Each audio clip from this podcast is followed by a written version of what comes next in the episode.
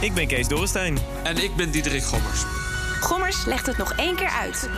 Goed dat je luistert naar Vraag het Gommers nog een keer, waarin we gewoon nog een aflevering van Vraag het Gommers maken in de week. Alleen dan één centrale vraag beantwoorden die vaker al wat vaker is gesteld eh, en waar misschien wat meer extra informatie over is. Wil je weten welke het is, Diederik? Ja, Ja? wat is deze keer? Het is eh, eentje eh, van Hans, maar hij is dus vaker gesteld.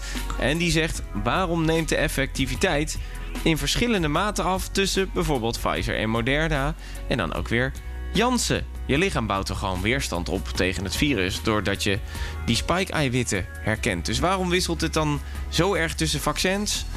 Hoe lang het werkt? Nou, kijk, hè, dus, en, en het is ook best wel een lastige materie. Want eh, kijk, dat die vaccins die maken verschillende eiwitten.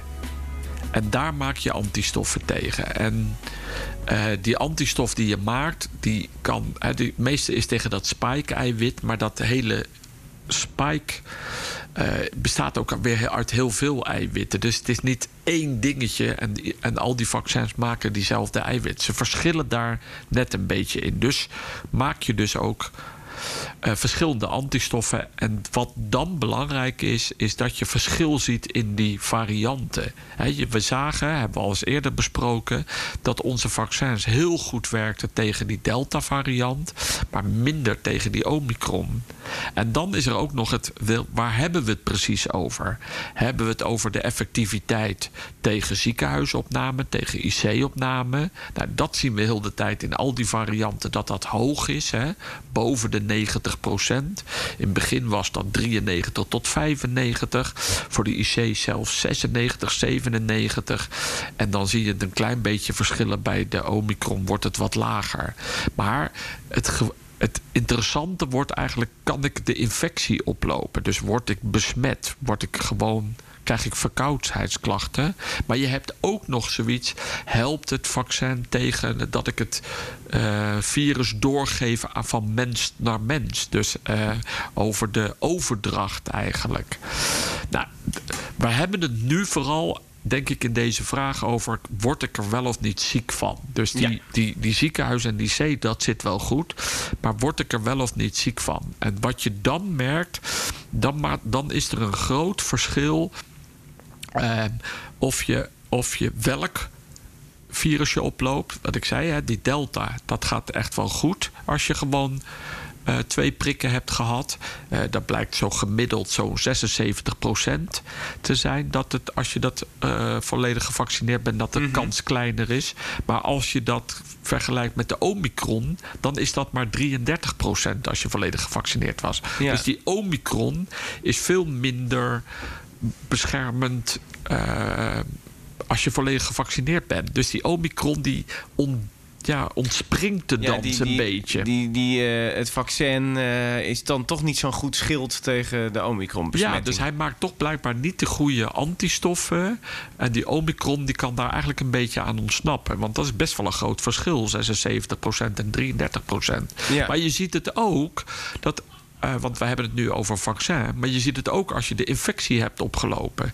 Als je de infectie hebt opgelopen met de Delta, eh, dan beschermt dat 78%. Maar met de Omicron beschermt het maar 25%. Ook daar zie je weer verschil eh, dat in die bescherming. En als je dan kijkt naar die booster, dan gaat het wel goed. Want dan zie je wel dat het goed stijgt eh, bij de Delta-variant naar 93% bescherming. Maar bij voor de Omicron is het weer 68%. Dus ja. 68 beschermt het, maar dus 32% ook niet. Nou, dat zijn een beetje die verschillen. Dus we zien dat je, je hebt dus verschillende soorten bescherming. Nou, het belangrijkste is als je naar de hele groep kijkt, hè, met de helikopterview, dat het nog steeds die vaccins, maar ook de infectie goed beschermt tegen ziekenhuizen en IC-opnames. Maar tegen het krijgen of het oplopen van eh, in dit geval hè, de Omicron BA2, dan zie je wel duidelijk verschillen. Dan doet de booster het beste. De basisvaccins, die twee vaccins, die helpt niet fantastisch. Zeker niet voor de Omicron. Dan zit je maar 25, 33 procent. En ook het natuurlijk krijgen van het virus beschermt voor die Omicron toch niet fantastisch. En daar zitten dus grote verschillen. En wat je dan nog ziet in die experimenten, dat als je die booster gehad hebt, dan zie je ook nog het verschil uh, dat het voor de Pfizer die gaat sneller dalen dan bijvoorbeeld als je het vergelijkt voor Moderna. Ja, en, en dan heb je ook nog eens Janssen. Dat is dus blijkbaar met die antistoffen die je maakt tegen het virus, dat het Omicron dan eigenlijk ja, toch eigenlijk zo resistent is dat, dat je snellere afnaamt. Zodra die hele de hoeveelheid antistoffen, dus de concentratie, gaat dalen, kan die Omicron er doorheen breken. Ja, maar nu hebben we dus uh, één van de redenen, en dat zijn de verschillende varianten. Maar uh, wat Hans vraagt is: hoe kan het eigenlijk dat er tussen de verschillende vaccins, dus tussen Pfizer, Moderna, Janssen, zoveel verschil zit in hoe lang ze eigenlijk effectief blijven? Ja, omdat uh, hoe leg ik dat nou zo goed uit? Omdat je dus zeg maar, hè, ze zijn dus vooral op die spike-eiwit, op die receptor. Mm -hmm. uh, en daar maken ze, hebben ze dus één eiwit. Ja. Uh, en daar maken ze antistof tegen om het virus dan te herkennen.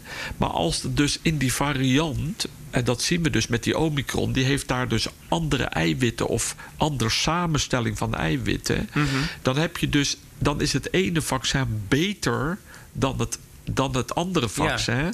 En als het dus minder goed is, heb je heel, heel veel antistoffen nodig. En op het moment dat die concentratie van die antistoffen over de loop van de tijd, in de loop van de tijd gaat afnemen, dan wordt dat ook minder effectief. Ja. Dus als je, wat je daar straks ook zei, als je dus een booster krijgt, ga je heel hoge piek. Maar je ziet bij Pfizer dus het ook weer een snellere afname. Ja. En dus op het moment dus dat hij onder het, een bepaalde grens... Het eiwit sluit dus minder goed aan dan die van Moderna en dan die van Janssen. Ja. En, en dan wordt de concentratie belangrijk. Dus dan moet je hoog zitten in je concentratie... omdat het wat minder specifiek voor de Omicron-variant is. Mm -hmm. En op het moment dat die concentratie onder een bepaald niveau komt... Ja, dan is de werking nagenoeg uitgesteld. Oké, dan hebben we dat uh, detail allemaal gehad van zijn vraag. Dan het laatste punt nog van zijn vraag. Want hij zegt: um, Je lichaam bouwt toch weerstand op tegen het virus. doordat je de spike-eiwitten uh, herkent. Dus hij zegt: Ja, maar zelfs als het vaccin eigenlijk minder effectief is. Uh, dan heeft je lichaam toch een soort van effectiviteit opgebouwd. Dus hoe kan het dan dat het alsnog minder effectief is? Wel, maar dan moet je. Dan moet je en wat is ook wat we gezegd hebben? Eigenlijk moet je dan voldoende contact hebben gehad met het virus, dat je het virus ook opgelopen hebt. Dus als jij gevaccineerd bent en booster hebt gehad, maar je hebt nooit het virus opgelopen, -hmm. ja, dan heb je ook die, die bredere antistoffen niet opgebouwd. Je moet dus wel contact hebben met het virus.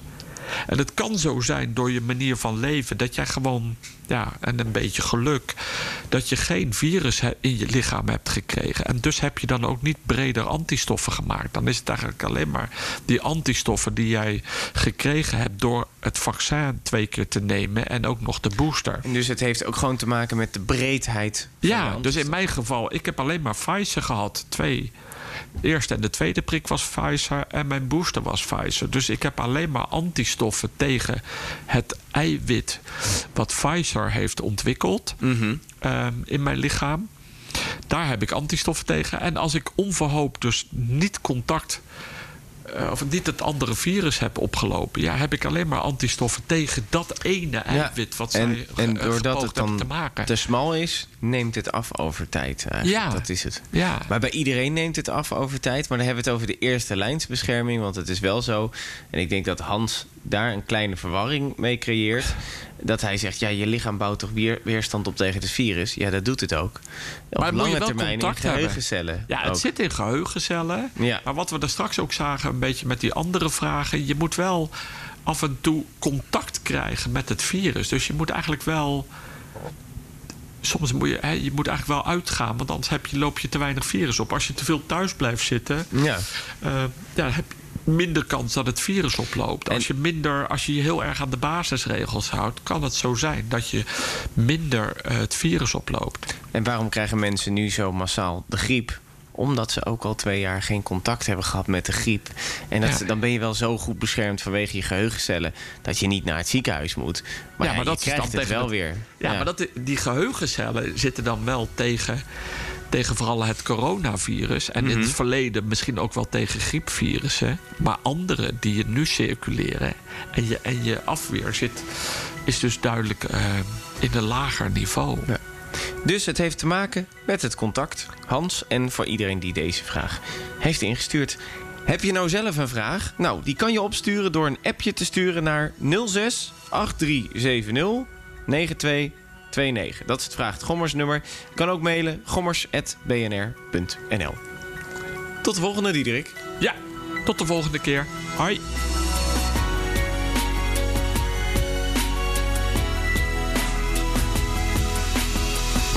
Vraag het. Gommers. Gommers. Gommers.